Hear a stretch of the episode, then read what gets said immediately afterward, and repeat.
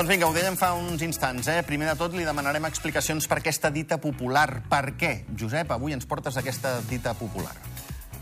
Bona tarda. Bona tarda, benvingut. Bona tarda. Doncs mira, perquè havíem passat Tots Sants, el dissabte Sant Martí, i doncs perquè de Tots Sants a Sant Martí sembla, sembra si vols collir. Què vol dir? Doncs eh, que per les collites, sobretot de la propera primavera, que doncs, també hi ha doncs, collites per, per aquest període, ara és el bon moment doncs, perquè passin aquests dos, tres, quatre mesos perquè pugui germinar eh, cert tipus eh, d'hortalisses o també doncs, d'arbres fruiters o de diferents plantes doncs, que es vulguin tenir a casa o també a fora, que, doncs, que siguin adients doncs, a la climatologia que fa durant aquest període doncs, de, de mes d'hivern, mes de tardor, mm -hmm. aproximadament. Per cert, atracament en directe. Ell no ho sap, però com que té respostes per tot... Jo Vinga, va, a veure.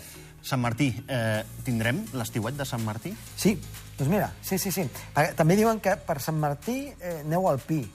Eh? Sí. Aquest, en aquest aspecte eh, n'hi haurà una mica a dalt de tot, sí. perquè dissabte sí que pot haver-hi eh, una mica d'inestabilitat, però les temperatures pujaran i sembla que la setmana entrant les temperatures serien més elevades. No càlides, però una mica més elevades. Per tant, un cap de setmana una mica més variable, però aquesta fredor que hem tingut fins ara, a poc a poc anirà marxant. Molt bé, mira.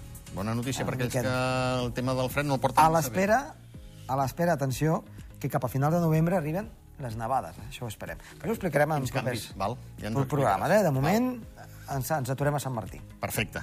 Vinga, va, escolta'm, eh, fotografies eh, de la teva estimada audiència. Fotografies i un vídeo, I eh? un vídeo, sí, sí. Molt bé. Per tant, moltíssimes gràcies a tothom per enviar fotografies, vídeos. En estem molt contents i doncs, podem fer la predicció meteorològica doncs, molt més amena. I també, en aquest cas, doncs, ensenyar aquí a la companyia. En aquest cas veiem el camp de Claró i la Rabassa. Eh, ens ho envia Marco Mijares, eh, un paisatge fantàstic de tardor, les muntanyes del camp de Claró i de la Rabassa. Una mica nevadetes, Sí. als cims, Sí. fruit de, doncs, aquests darrers dies que hi ha hagut aquesta neu cap a, cap a l'alta muntanya. Un cel blau molt maco, Exacte, molt sol. Molt sol, sí, sí. Que és, també n'hem tingut, Sí. eh, tot i les precipitacions, i doncs per això es pot veure una mica aquesta neu eh, dels cims de les muntanyes. Eh, marxem ara cap a la Cortinada, aquests darrers dies en què havia doncs, eh, plogut i nevat una mica, que aquesta cota de neu havia baixat fins als 1.400 metres, i en aquesta imatge podem veure aquest contrast, aquesta línia on arriba una mica doncs, eh, al límit de la- de la- de l'aigua la, i de la neu. Sí. Eh? Una mica aquest aigua-neu, aquest límit, aquests eh, arbres una mica enfarinadets, mentre que una mica més avall, on ja doncs, hi ha eh, les casetes del poble, doncs la situació és de que allí havia caigut aigua i una mica més amunt doncs estava així mig emboirat i una mica doncs, enfarinat i per tant això ens ho envia en aquest cas eh, des de, des de Grau, Corda- no? Exacte, que és també una de les persones que ens envia moltes fotografies i també vídeos.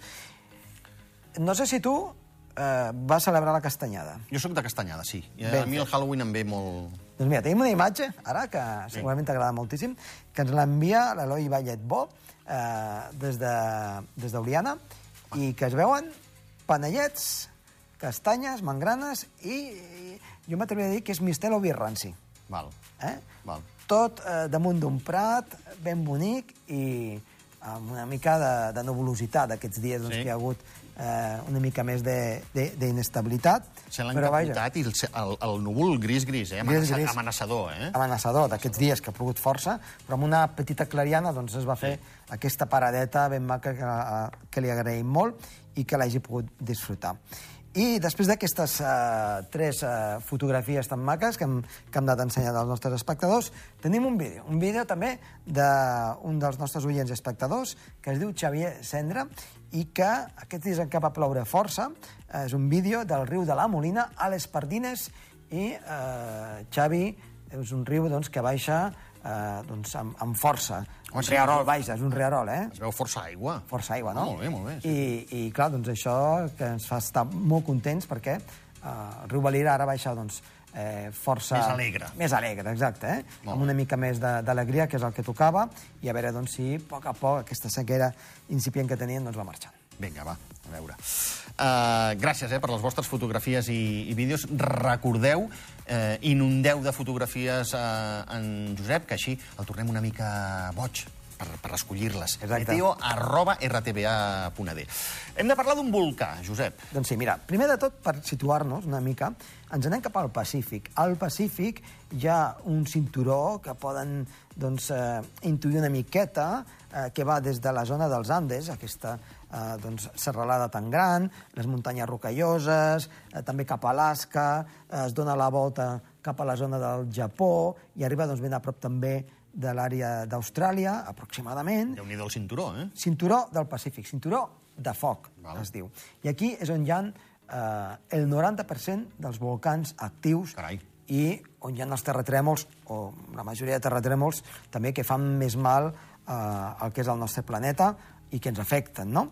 I eh, Això vol dir, perdona, Josep, que les plaques tectòniques en, en, aquest, eh, en aquest cinturó estan sempre en fricció? Sí, estan sense fricció i, i per tant això el que fa, eh, per exemple, als Andes eh, la placa es fica sota eh, del que és el continent i quan s'acumula la tensió i de cop i volta doncs, aquesta tensió es trenca, és quan hi ha terratrèmols o també, si es fa una fissura, surt ràpidament el, el magma cap amunt i doncs, eh, fa que els, vo- els volcans explotin. No? Val.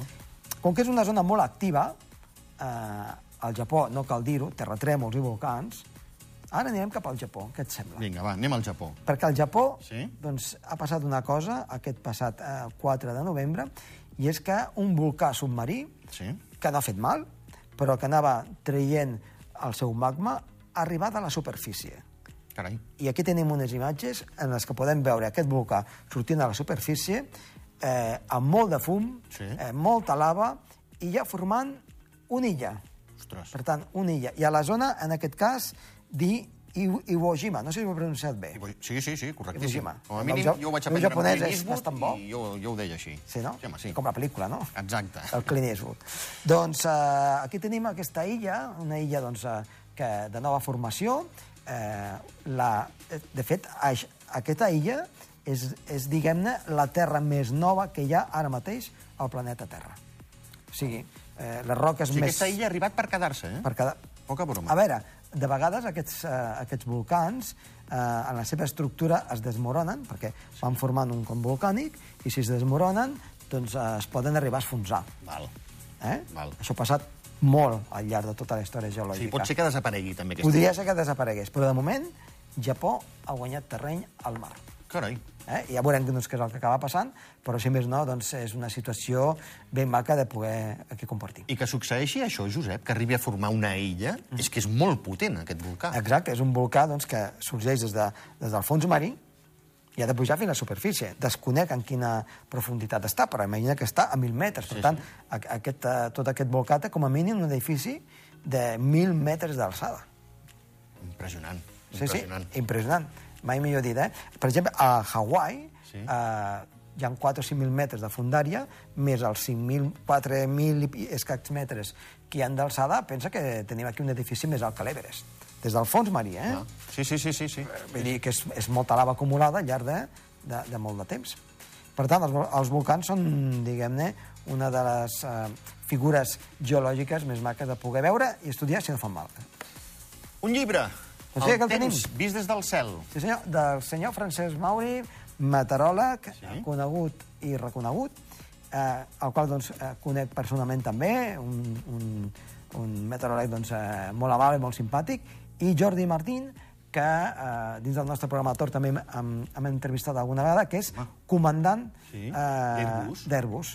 320, que poca broma, no? Poca broma, poca I en broma. aquest llibre doncs, que pots observar aquí doncs, tenim moltes fotografies Sí. que el que ens mostren és, en aquest cas, totes les fotografies que ha anat fent aquest senyor eh, al llarg de la seva vida professional, que encara doncs, està en actiu, evidentment, i eh, de, núvol, de núvols, de situacions, en aquest cas, eh, que es pugui trobar a l'atmosfera, i ja, diguem-ne, tota una classificació dels núvols que es poden trobar a l'atmosfera, però vist no des de, des de la Terra, sinó des de dalt, que canvia una mica la perspectiva.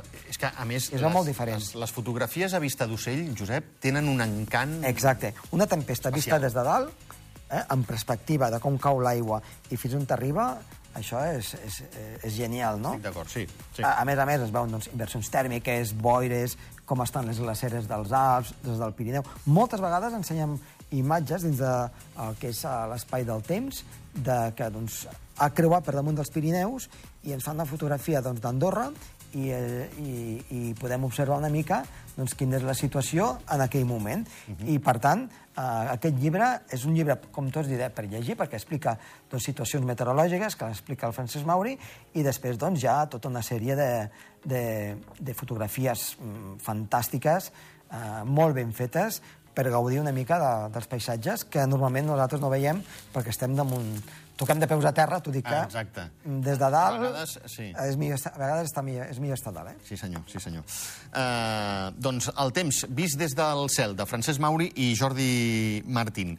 Escolta'm, Josep, eh, per cert, està, està dividit en diferents capítols, eh? Sí. Perquè també tinguem clar els diferents... Exacte.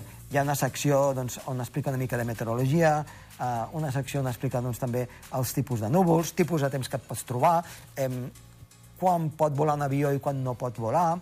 Per tant, eh, és un llibre que, que es gaudirà molt i que es pot trobar fàcilment a les llibreries. Mm, El preu no me'n recordo, però eh, és un bon llibre per tenir a, a la llibreria i per poder-lo gaudir. Sí, senyor, i les fotografies espectaculars. Espectaculars, eh? Exacte. En dono fe, i a més, eh, qui ens estigui seguint a Andorra Televisió també les ha pogut eh, veure, algunes d'elles, i són, la veritat, espectaculars. Josep, moltíssimes gràcies. Fins eh, dimecres vinent, no, que tenim Consell General. Llavors, Festa, fi- 15 fins- dies. Fins la propera. Fins la propera, que vagi molt bé. Adéu-siau.